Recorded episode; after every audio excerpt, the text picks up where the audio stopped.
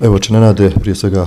pomaže Bog i mir Boži i Hristo se rodi. Bog pomaga ova istinu se Hristo se rodi. Pa evo za početak ovog božićnog razgovora o molitvi, da krenemo od pitanja šta je zapravo molitva, šta ona predstavlja, kakav je to vid obraćanja tvorcu, da li je to samo molba da nam ispuni neku želju ili je više od toga? Pa na pitanje šta je molitva, e, crkva je preko otaca, svetih otaca odgovarala mnogo puta tokom istorije i ti odgovori su u jednom bar, e, da kažemo, jednoglasni, a to je da je molitva razgovor sa Bogom. To je naš dijalog sa Bogom, obraćanje Bogu kao ocu, kao tvorcu, obraćanje svetoj trojici, obraćanje svetiteljima Božiji majici, Božijoj prije svega, moment u kome mi taj dijalog sa Bogom, sa svetiteljima, sa majkom Božijom doživljavamo kao dijalog licem k licu, e, onima kad kojima smo mi ustremljeni, kad kojima su sve naše i fizičke i duhovne snage usmerene e, zarad samo jednoga cilja, a to je dakle dobijanje blaženstva i vera da će molitve koje upućujemo biti uslišene. To nije, e, molitva nije vrsta trgovine našeg trgovanja sa Bogom, da mi molimo to i to, očekujući istoga momenta da će gospod uzvratiti nama na molitvu našu, pogotovo ne ukoliko mi pred Boga ispostavljamo svoja dobra dijela kao da smo učinili to Bož nešto veliko, pa sada je Bog po toj ljudskoj logici i ljudskim sudovima dužan da nama uzvrati uh, na našu molitvu učinili smo neko dobro odjelo, e sad ti Bože učini nama ono što mi od tebe tražimo. Ne, mi onako evanđelski smo dužni da činimo što su sluge dužne da čine svome gospodaru. A to je dakle da se bez, da ništa za uzvrat ne očekujemo, dakle obraćamo Bogu i tražimo božansku milost za nas koji svakodnevno kao pala stvorenja, čovjek je palo stvorenje i sva tvar je kroz čovjeka pala, Molim od njega izbavljenje i iskupljenje, ne postavljajući nikakve uslove pred licem Božim, niti naša tobož dobra djela, jer sve što mi činimo pred gospodom je ono što je nama potrebno, ne što je njemu potrebno, nego što je potrebno nama. I zato je vrlo bitno da mi hrišćani uvijek znamo da je molitva prije svega razgovor sa Bogom, a svako molitveno obraćanje je samo polaganje nade na Boga i uz punoj svesnosti naše nedostojnosti, kako lične, tako često i kolektivne, i da Gospod po milosti svojoj čini i uslišuje naše molitve, ali nika, nikako ne ultimativno, kao što mi ljudi vrlo često jel tako znamo kad nas pritisne neka nevolja ili neka muka, onda se na jedan red sjetimo Boga i onda ispostavimo njemu obveznicu kao neki naši dobri dijela vrlo često, pa onda smatramo da je Bog po nekoj dužnosti svojoj službenoj treba da ispuni to što mi od njega očekujemo. Svedoci smo da svaka molitva ne biva uslišena i da ne biva ispunjena u životu hrišćana, upravo zbog toga što je ona, da ne kažem, trgovački e, nastrojena, e, jer nije prije svega utemeljena na ljubavi. Ako želimo da razgovaramo istinski sa nekim u svakodnevnom životu, mi moramo tu zaista da imamo čistu nameru i čist razgovor, čisto srce, da iznesemo nekome naš problem ili našu želju ili našu blagodarnost ili kako god to definisali kako bi smo došli do neke vrste sporazuma u običnom svetovnom životu, a tim pre kada stanemo pred lice Božije, pred lice svoga tvorca, pred lice majke Božije i svih svetih ugodnika Božije, tim pre treba da imamo pre svega iskrenost u toj komunikaciji našoj molitvenoj, ničim, dakle, uslovljeno nikakvom, e, nikakvim trgovačkim duhom, kakav je, e, jel tako, čovekov duh, već samo ljubavlju, sa nadom i željom da će gospod, iako nama nedostojnim, iako grešnim, uslišiti one molbe koje su po njegovom nepogrešivom sudu za nas najbolje i najsvrsishodnije i naj, da kažemo, cjelishodnije za naše i duševno i telesno zdravlje i pute voditeljstva. I pored toga što smo svjesni da je molitva na korist samo onda kada se vrši sa dubokom pažnjom u srcu, ipak nam se dešava da nam misli tokom molitve bježe i lutaju. Kako to spriječiti da nam se molitva ne bi pretvorila u puko deklamovanja, automatsko izgovaranje naučenih riječi? Da, pa svi mi ljudi, sveštenici, svaki vjernik i svaki čovjek je nekako e, nastroje ka tom, kako vi rekao ste, deklamovanju naših želja, iznošenju naših želja pred Bogom, a s druge strane, kao slabo biće, vrlo često u molitvi svako od nas pojedinačno biva i rastrojen, odu u misli na jednu stranu, jezik i usne izgovaraju jedno, a srce je negdje na drugom mjestu. To je, dakle, čitav jedan podvig kome nas, na koji nas upućuju pre svega veliki oci, askete i podižnici danas u monaškom životu i monaškom življenju ocimo nasi, kako i na koji način treba da se sresredimo na molitvu. To je e, pre svega apostol Pavle nas u poslanici Solunja nam je upućio i zapovjeda na molite se bez prestanka. Dakle, naš čitav život, naše svo delanje i kretanje treba da bude molitva. Nije molitva samo, dakle, onda kada mi stanemo pred ikone i kako kažemo, deklamujemo e, naše želje, vrlo često rasijanog uma i rasijanog srca, bez jedinstva uma i srca, E, već je dakle molitva i strajnost, molitva je rad, molitva je svako naše delanje, svaki naš podvig koji je usmaren ka dobru, ka ispunjavanju onoga cilja za koji, koji je Bog pred nas e, dakle stavio, a to je pre svega za dobijanje carstva nebeskoga i služenje bližnjem svom. Dakle, ta rasijanost, da kažemo, misli je, e, nešto što je prosto neizbježno i svojstveno, ne može niko od nas reći da je uvijek skoncentrisan 100% na molitvu, prosto e, misli dolaze i odlaze, ali što reče veliki starac Julijan Studenički i Blažene uspomene, e, mi ne možemo mislima zabraniti da dolaze u našu glavu. One su, kaže, kao ptice nebeske koje lete ispod neba, ali ono i ne može upraviti njihove puteve, ali ono što možemo da zabranimo jeste da saviju gnijezdo na našoj glavi tako i misli, ono što mi možemo da utičemo, jeste da možemo da, da i, e, dakle, silu o molitve osujetimo, da ne mogu da se ugnezde u našoj glavi, pogotovo zle misli, kako se ne bi ova plotile pretvorile u zlo dijelo. Otuda ta rasejanost koja je usred nedostatka pažnje je veliko iskušenje za sve nas hrišćane i tu jedini način da se pobedi jeste istrajnost, dakle da čovjek ne popusta nego da istrajava dakle, u molitvi. Kao što rekao ste, molitva se ne sastoji samo u izgovaranju mnoštva riječi i čitanja mnoštva molitava iz molitvenika, to je dobro za one savršenije, da kažemo, koji mogu da, da se duže mole Bogu, jel tako, i da se duže obraćaju dakle, pred licem Božim, uh, No međutim, e, molitva može, e, kako da kažem, i da bude sažeta e, i najdublje izražena i u par riječi. Oci crkve su nam ostavili Isusovu molitvu, Gospode Isuse Hriste, Sine Boži, pomiluj me grešnoga. Ili još kraći oblik, Gospodi pomiluj. Upravo kao najbolji lijek i najbolji metod borbe protiv rasijanosti misli, da se čovek kratkim riječima, dakle, skoncentriše na na molitvu onda kada nije moguće zbog nedostatka pažnje, zbog iskušenja kojima se mi nalazimo, da izgovaramo, da kažemo neke velike molitve e, tom prilikom.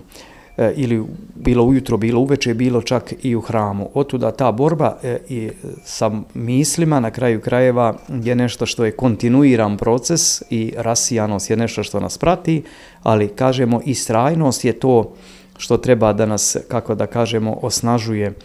i, i drži i da ne popustamo pri takvim iskušenjima kada naiđu je li tako na nas da prekinemo molu da kaže sad sam rasijan pa se neću moliti Bogu ne nego se ponovo povratiti sebi što kažem iskoncentrisati um i srce na jedno mesto i tako dakle e, molitvu uznositi Bogu i prinositi dakle prestalo njegovu. Evo kako dakle upotrebljavati molitvu da bi ona u tom duhovnom uzrastanju vodila stepenik po stepenik, a da istovremeno ne bi dovela do duhovne gordosti, odnosno do onoga što se u crkvi naziva prelest. Crkva nas uči i sveti oci zapovedaju da je u principu smireno umlje i smirenost nešto što je neophodno da kažemo za molitvu i nešto što omogućava čovjeku da molitvu upravo proiznosi na takav način da ne bi pao u, gordo, u gordost ili gordo umlje. Tako da i čovek kao i dijete kada se tek rodi biva u početku hrićani kada se tek krsti kao odojče. Dakle, dijete ne jede odmah hljebi čvrstu hranu, nego se ili tako pita prvo mlijekom, pa postepeno kako uzrasta, tako čvršćom hranom. Tako i mi hrišćani u svom životu u crkvi kao kršteni ljudi, bilo kao djeca, bilo kao odrasli, dakle, prvo se navikavamo na tu mekšu hranu, što znači uh, da se prvo ucrkovljemo i kroz molitvu crkve se učimo i svojoj dakle, ličnoj molitvi koja je obično e, je li tako, u samom početku kraća, upravo da bi se zadržala ta tako usrednost u molitvi i kako napredujemo u duhovnom životu, molitva postaje, da kažemo, duža i postaje savršenija. E, gradimo smirenje kroz molitvu upravo da bi u smirenju je proiznosili. E, naravno da e, postoje različite etape u duhovnom životu i različita napredovanja. Čovek čas napreduje, čas pada, ali je svako napredovanje ono kada smo istrajni. Dakle, istrajnost je nešto što je dakle, najneophodnije. A ako smo istrajni, onda ćemo zadobiti pre svega smirenje, a kad zadobijemo smirenje, to je najveći stepen, da kažemo, duhovnog savršenstva, onda će, da tako kažemo, gordost biti svedena na minimum, I onda nećemo u gordosti srca svoga prinositi molitvu. Imamo u Evanđelju upravo taj primjer o Mitaru i Fariseju, gdje su dvojica ljudi koji su bili u hramu na molitvi, stali pred lice Božije i jedan se molio, hvalisao sam sebe u svom gordoumlju, kaže, Bože, evo dajem desetak od svega, postim dva put u sedmici dana, ispunjavam to i to, ali nisam kao ovaj car, niko je takav nikakav grešan, dakle, nego sam tu ispunjavan zakon, pa sam bolji od njega. Ovaj carinik ništa nije drugo govore, nego samo Bože milosti budi meni grešnome. Dakle, on je u svom smirenju došao do najvećeg, sazna, do najvećeg saznanja, a to je njegova grešnost. Da je, e, upravo mi u molitvi, u smirenju, kada je proiznosimo, dolazimo do takvog ubeđenja, do svoje grešnosti i nedostojnosti i na takav način molitva rađa ono drugo što je najbitnije, to je pokajno raspoloženje u čoveku. A kada se javi pokajno raspoloženje, kroz molitvu i e, prosto jedno, otkrije se jedno saznanje da je čovek zaista uzaludan, da je grešan, da nikakvim svojim silama i snagama ne može zadobiti blaženstvo, onda gospod, što kaže, izliva po apostolu Pavlu, blagodat na blagodat onda se čoveku još više daje smirenje, još mu se više daje ukrepljenje i on zaista u smirenju srca svoga kao ništavni i najnedostojniji sluga Boži prinosi molitvu i moljenje, dobijajući na takav način prije svega duhovno usavršavanje, duhovno ukrepu, ukrepljenje, a i naravno svakako i telesnu, je li tako, korist i iscelenje od svojih tjelesnih slabosti. Obično su duhovne i tjelesne slabosti vezane jedna za drugu, pa čovjek kada se tjelesno kad kada raslabi, onda se to odražava i na njegovo duhovno stanje, izuzev slučajeva, jel tako, taca crkve koji su dostigli sve to života, koji bolest prihvataju, jel tako, kao dar Boži koji se upravo u toj bolesti projavljuju kao najveći molitvenici, ali kažem, to je sada taj najveći stepen e, duhovnog savršenstva. Da se osvrnemo i na molitvu Oče naš koja je zapisana i u Svetom pismu. Centralni dio te molitve su riječi oprosti nam dugove naše kao što im i opraštamo dužnicima svojim. Pa da li se može zaključiti da ukoliko do kraja i u potpunosti ne oprostimo onima sa kojima smo se zamjerili, mi u stvari gospoda molimo da ni on nama ne oprosti. Zvuči naravno paradoksalno, ali koliko smo dok izgovaramo svjesni te glavne poruke molitve oče naš? Pa svakako da je gospod u ovoj molitvi sažeo, ja bih rekao, su filosofiju hrišćanskog života. Upravo želeći da naglasi gospod da nije molitva samo u mnogo glagoljivosti što kaže u Svetom pismu, neće se spasti onaj koji govori gospode, gospode, nego koji tvori volju oca mojega. Dakle, upravo gospoda je jedan sažet oblik molitve sama riječ gospodnje u kojoj je sve izraženo u kojoj priznajemo Boga za oca, u kome tražimo da dođe i carstvo, neko i da nam oprosti sa grešenja, kao što i mi opraštamo dužnicima našim. Samim tim je rečeno, ako li ljudi, gospod na drugom mestu kaže, kao da dopunjava tu moltu, ako li ne oprostite ljudima sagrešenja njihova, ni otac vaš nebeski neće oprostiti sagrešenja vaša. Upravo to je izraženo i u molitvi gospodnjoj i oprosti nam grijehove ili dugove naše, kao što i mi opraštamo dužnicima svojim. Dakle, opraštanje kroz pokajanje pre svega, gdje ste uslovno što malo pre rekao smo svake molitve i gospod upravo to govori, da je naša dužnost kao hrišćana da oprostimo svakome čoveku na način kao što je on oprostio rodu ljudskom, želeći i bla, po, prihvatajući blagovoljenje večnoga Boga i Oca da se ovaploti od presvete Djeve Marije, da se rodi telesno od nje, ne samo da se rodi, nego i da primi životvorno stradanje. Dakle, i ono po, sa, s onim krajnjim oprostom na krstu, na razbojniku i To arhiđakon Stefan ponavlja, oče oprosti im jer ne znaju šta čine, ponavlja riječi, je li tako Hristove. Dakle, Hristos je toliko oprostio čoveka da ne samo što je se rodio, nego je i pretrpeo, dakle, spasenosno stradanje, upravo dajući nam obrazac opraštanja grijehova, jer ako je on oprostio nama, kao onaj koji nema grijeha, kao naš stvorac, kao večni Bog, koliko mi tek ljudi više treba da opraštamo bližnje svom svako sagrešenje go. Naravno, to je deklarativno, je tako lako izustiti, ali je u životu e, nije e, to uvijek lako sprovodivo i zato je oprostiti podvig podvig za, sam za sebe, a taj podvig upravo nas uvodi u drugi podvig molitve. Dakle, ceo život čoveka hrišćanina je podvig koji kreće, dakle, upravo ono, opet ona riječ evanđelska, verujem gospode, pomozi mome, ne verju. Dakle, to je glavna filosofija. Ipak u svakom od nas kad kada se projavljuje neverovanje, mi verujemo, ali nam treba pomoć Božija da se obratimo Bogu, da pomogne našem neverovanju kako bismo upravo oprostili uh, grijehove dužnicima, odnosno svojim bližnjim, kako to molitva gospodnja kaže. I zato jeste ona bila i ostala uzor, izgovorena od samoga gospoda kao primjer i temelj svake molitve. I uvijek kada izgovaramo molitvu gospodnju, izgovaramo i na liturgiji svakako, dakle treba da se skoncentrišemo i da o svakoj toj riječi duboko porazmislimo tražeći da bude volja Božija dakle i na zemlji kao i na nebu. Upravo ono što su evo ide nam praznik rođenja i anđeli rekli slava na visini Bogu na zemlji mir među ljudima dobra volja. Dakle, a ta dobra volja upravo se bazira jel tako na volji našoj i volji Božijoj da oprostimo jedni drugima i to je dakle i cilj života hrišćanskoga, da opraštamo jedni druge kako bismo zadobili duha svetoga po riječima svetoga Serafima Sarovskoga čudotvorca. U tom smislu, kako na pravila način shvatiti Hristovu poruku iz Evanđelja, ljubite neprijatelja svoje i molite se za one koji vas vrijeđaju i gone. Mnogi će reći da je to jednostavno nemoguće, da je utopija. Kako učiniti toliki napor da se iskreno pomolimo za onoga za kojeg znamo da nam želi ili čini zlo? Pa ovo što malo prije rekoh, ljubav Božija prema čoveku je beskrajna i bezgranična. I on neprijateljima svojim je li tako oprašta. Prosti im jer ne znaju šta čine. Najveći neprijatelj koji ga predaju s radanju na krst. Ih v razgovor s Pontijem Pilatom što kaže veći grijeh ima onaj koji te predade, koji, ko, koji predade njega, dakle, kod Pilata na sud, nego li ti. Dakle, gospod upravo, e,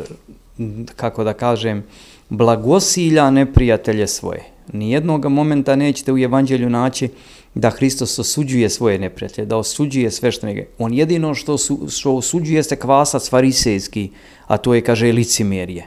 Dakle, to je najgrijeh od iskoni, dakle, od koji je uzrokovo pad anđelskih sila, gordost i licimerije. Dakle, koje je uvelo u propast, da kažemo, uh, čovečanstvo. To je ono što gospod osuđuje, ali ne neprijatelje svoje. Zašto mi crkva kaže ljubite neprijatelje svoje i blagosiljajte one koji, nas, koji vas kunu. I ako vam udari jedan šamar, kaže okrenimo i drugu, drugu stranu lica da vam udari.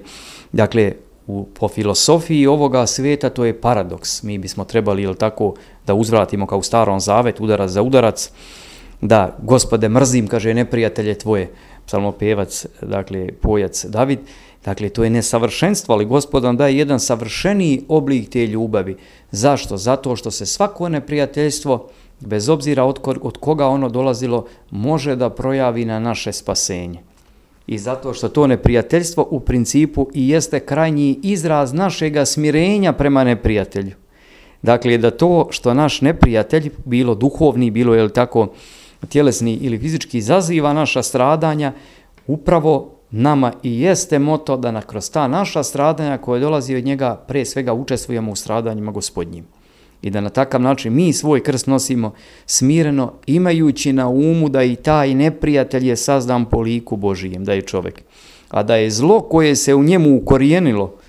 dakle nije njegova priroda, nego nešto što je umetnuto učinjeno Dakle, u njega i zato naša molitva jeste za neprijatelje da ih gospod okrene od neprijateljstva koje je u biću njihovo, koje se ustelilo u njihovo biće. Jer je svaki čovjek stvoren po liku Božijem i dobar. A ono što ga kvari jeste to neprijateljstvo. Nije čovjek po svojoj prirodi neprijatelj, nego po grijehu u koji ih je dakle upao. I zato se crkva neprekidno moli i za neprijatelje svoje, kao i za one koji stradaju od tih neprijatelja. Ne bi li gospod doveo, jel tako, u jedinstvo? ono što u dobrom jedinstvu i jedne i druge. Dakle, to je i ona poruka iz Evanđelja, budite savršeni kao što je savršen Otac vaš na nebesima. Jeste, upravo to savršenstvo i hrišćani su prizna, prizvani na to savršenstvo, da budemo savršeni koji su, kao što je savršen Otac naš nebeski. Mi ne možemo da se usavršimo lično, kako da kažemo, i nezavisno od Hrista i nezavisno od crkve. Čovjek može da ima uh, velike moralne kvalitete, vi imate i pripadnike drugih konfesija i drugih religija ili čak ateiste, koje kad bismo i mjerilo filosofijom ovoga svijeta i mjerilima imaju to kako visoke moralne kriterijume. Čak bismo rekli da žive i evanđelski, dakle po nekom prirodnom etičkom zakonu i nastrojenju. Ali međutim, e, da kažemo, mi smo prizvani na to najviše savršenstvo koje je kroz Hrista otkriveno. I mi se jedino u crkvi kroz Hrista i molitvom Hristu i, i, i molitvom sa Hristom, jer je On koji se moli za nas i koji se moli u nama Duhom Svetim. Dakle, možemo da dostignemo to najveće, da kažemo savršenstvo i prizvani smo neprekidno, ili tako da uzrastamo u meru rasta visine Hristove, kaže apostol Pavle, upravo kroz to upodobljavanje, kroz taj poziv da budemo savršeni, koji što je savršen Otac naš nebeski, ali kažem jedino u Hristu i sa Hristom, i u crkvi Božjoj koja je tijelo njegovo. Ne na drugi način, hrišćani, mi ne možemo mimo Hrista, jer po apostolu Pavlu on je jedini posrednik između Boga i čoveka, kome se čovek u potpunosti otkrio i kome je čovek saznao svoje naznačenje i svoju najizvišeniju, dakle, službu, a to je pre svega da bude molitvenik pred licem Božim. U molitvi obično nešto tražimo, ali postoji molitve zahvaljivanja. Koliko je važno u molitvi zahvaljivati gospodu na svemu? Pa molitva zahvaljivanja i molitva blagodarenja, kako je mi nazivamo u crkvi, u principu i jeste suština svega. Najveća blagodarstvena molitva koju crkva proiznosti jeste Evharistija, jeste liturgija crkve. Evharistija i znači blagodarenje. Dakle, da blagodarimo Bogu Tvorcu svega za sve. Sve što je stvorio i vidljivo i nevidljivo je za svaki dar koji je učinjen i koji čini ovome životu. I zato crkva se s tim blagodarenjem uh, dakle, identifikuje, crkva i jeste blagodarenje. Blagodarenje Bogu za sve. Prvo što nas je iz nebića u biće priveo, što nas je sazdao, što nam daje vazduh za disanje i hranu, što nas udostojava da, mu, udostojava da mu blagodarimo preko njegovih darova. I ne samo preko darova, nego da te darove hljeb i vina prinosimo na sveti žrtvenih Božih koji silom i desom Duha Svetoga postaju samo tijelo njegovo da dakle da uzima te darove, prima i sebi kroz naše blagodarenje i da nam i vraća kao život večni, kao tijelo i kao svoj. To je najveći, da kažemo, najveća tajna hrišćanskog života da blagodari, jer čovjek je biće koje blagodari on je sazdan kao biće blagodarenja i zato nije čudo što najsvetija služba u crkvi nosi ime Evharistija. Evharistija sa grčkog jezika prevedeno upravo znači blagodarenje, da uvijek blagodarimo Bogu za sve i sva za njegova dobra, da blagodarimo Bogu čak i u ličnoj molitvi onda kada nam neko iskušenje od nekoga dođe, ono što rekao smo, ljubavi prema neprijatelju ali da blagodarimo Bogu i za ljube prema bližnjima, jer gospod nas poučava da nema veće ljubavi od te da ko život svoj položi za bližnje svoje, za prijatelje svoje. Je upravo u tom sveopštem blagodarenju crkve, u liturgijskom blagodarenju crkve, mi se učimo svakom drugom blagodarenju, kako na individualnom, ličnom ili tako planu, tako i na planu zajednice jednog naroda, jedne parohije, jedne eparhije, jedne crkve, da uvijek Bogu prinosimo blagodarenje blagodarenje za sve i za sva, za život sve, tako što kaže liturgijska molitva. Evo, mada ste to već u razgovoru i rekli, ali evo za kraj da rezimiramo e, koji su to sve plodovi molitve. Pa plodovi molitve su prosto neizrecivi i neizbrojivi. Koje sve plodove čovjek molitve uživa i koje prima? To su plodovi koji izlaze, ja bih rekao, van granica stvorenoga svijeta, pa čak prevazilaze i samoga čoveka prvi i osnovni plod molitve treba da bude smirenje. A kad čovjek izgradi smirenje, on zadobija tu samosvest o sebi da je on sazdan po liku i podobiju Božije, da je on sazdan i prizvan na zajednicu, dakle sa Bogom, u na večnu, ne privremenu zajednicu, nego na večnu zajednicu koju ni smrt ne razgrađuje i ne može da razruši, da je on prizvan na vječno blagodarenje, ono što malo prereko smo, i to jeste u principu plod molitve, da je on prizvan u zajednicu kako sa Bogom, tako i sa svakim drugim čovekom upravo želeći gradeći mir, jer smirenje jeste od mira. Kad čovjek ima smirenje i mir, onda je podoban onoj, onim anđelima koji su blagovijestili slava na visini Bogu i na zemlji mir. A kada imamo mir, imamo molitvu, onda imamo i dobru volju prema svim drugim ljudima. Dakle, e, mnogi su, kažem, i neizrecivi plodovi molitve i naša, hvala Bogu, crkveno predanje, dakle, e, obiluje, obiluje velikom, velikim iskustvom svetootačkim koje upravo govori o različitim, dakle, plodovima molitve. Jedan možda i nama danas plod molitve za koji upravo e, jeste to je slobađanje od toga gordoumlja. umlja. Pogotovo je to u naše vrijeme kod mladoga svijeta, ali tako zastupljeno da nekad pomislimo da sve znamo, da smo pametni čak i od samoga Boga, dakle, i da sve svojim silama e, dakle, možemo, a upravo, e, ako tako možemo reći, da molitva nam omogućava to da se sila Božija ili blagodat Božija upravo u nemoći projavljuje po rečima svetog apostola Pavla jer onda kada smatramo da smo potpuno nemoćni, dakle uviđamo zaista tu svoju iskonsku nemoć pred svemoći Božijom i pred licem Božijim, ali molitva i plodovi molitve nas upravo čine pričasnicima te velike i neiskazane blagodati Božije i onoga carstva i radosti koji je Gospod pripremio onima koji ga ljube, kako kaže sveti apostol Pavle. I zato, ako upravo, hoćemo da kažemo, glavni plod molitve naše individualne i zajedničke crkvene jeste upravo, ja bih rekao, uvođenje u jednu konkretnu liturgijsku zajednicu, jedno večno blagodarenje, da učestvimo u večnom blagodarenju, kroz smirenje i kroz svetije vrline, kroz pokajanje koje se javlja, jel tako, kao plod uh,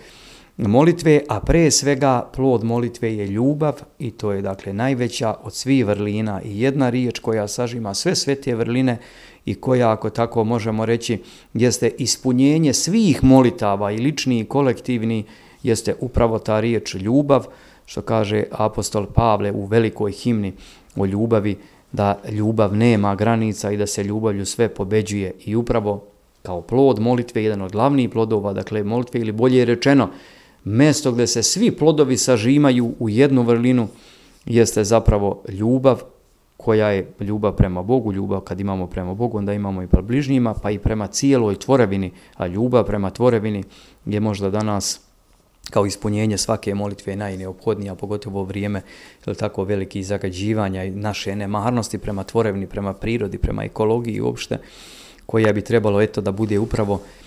da kažemo, preobraženo kroz našu molitvu i kroz našu ljubav prema tvari, prema Bogu i prema tvari njegovoj. Pred nama je Božić, evo za kraj ovog razgovora možda da preporučite neku molitvu za neradosni hrišćanski praznik. Pa svakako čestitamo svim našim vjernicima ovde u Foči i cijeloj vaseljeni i svakom čoveku. Uh, E, srećan najradosniji praznik rođenja Hristovoga, otkrivenje velike tajne koja je od vijeka ljudima bila skrivena, koja se u posljednje rade radi našeg spasenja otkrila, upravo rođenjem Logosa Božijeg riječi, Božije Hrista gospodnjega, sunca pravde istinsko kako ga su ga pastiri nazvali, koje, se, koje je zasijalo iz vislijemske pećine i prosvijetilo um i duše cijele vaseljene i darovalo spasenje, da upravo se toj velikoj radosti, toj velikoj vitlejemskoj svetlosti koja od onoga koji je izvor svetlosti Hrista rođenog i ovaploćenog obasjava i ozaruje ceo svijet da se toj svetlosti radujemo, da tu svetlost primimo prije svega u sebe kako bi se u nas ta velika neizreciva ljubav Božja prema čoveku uselila u nas kako bi mi stekli tu ljubav prema Bogu da eto kao naše malo uzdarje ovaj veliki E, praznik rođenja Hristovoga i upravo da naše molitve budu te koje će uvijek prizivati bezdan milosrđa Božijeg i ljubav Božiju. Ne bili smo i mi zadobili ljubav prema svakome čoveku i prema svakom stvorenju, prema svakoj tvari. Nije dovoljno voleti samo ni čoveka, nego svaku tvar, sve ono što je Gospod stvorio, svaku biljku, svako drvo, da se ovoj narodnoj godini, je li tako, ljeta gospodnjega 2021 upravo e, u tom smislu usmerimo, pogotovo u ovo vrijeme velike pandemije i iskušenja bolesti koja nas je snašla, da tu pokažemo krajnje čovekoljublje, po uzoru na ono večno čovekoljublje, da je Bog postao čovek iz ljubavi prove čoveku, da bi se upravo ljudska priroda naša spasila i obožila. I zato je upravo možda ta glavna naša molitva neka bude molitva ljubavi. Ljubavi prema čoveku, ljubavi prema Bogu, ljubavi prema tvari Božijoj i naravno molitve za prevazilaženje ove naše ove teške situacije i bolesti koja nas je snašla, da ne malak samo duhom, da to prihvatimo kao dar Boži, kao zaslugu, je li tako zbog naših grijehova, što pokajani, što ne pokajani i da na takav način u ovoj barki spasenja koju nazivamo crkvom, Hristovom tijelom, Hristovim dođemo od onog pristaništa večnoga, a to je Carstvo nebesko. Oče Nenade, hvala vam mnogo za ovaj razgovor i još jednom mir Boži, Hristos se rodi. Va istino se Hristos rodi i srećni svi praznici januarski svim našim e, parohijanima, svim našim vjernicima i svim ljudima koji žive ovde u našem gradu Foči i šire bez obzira na veru i naciju.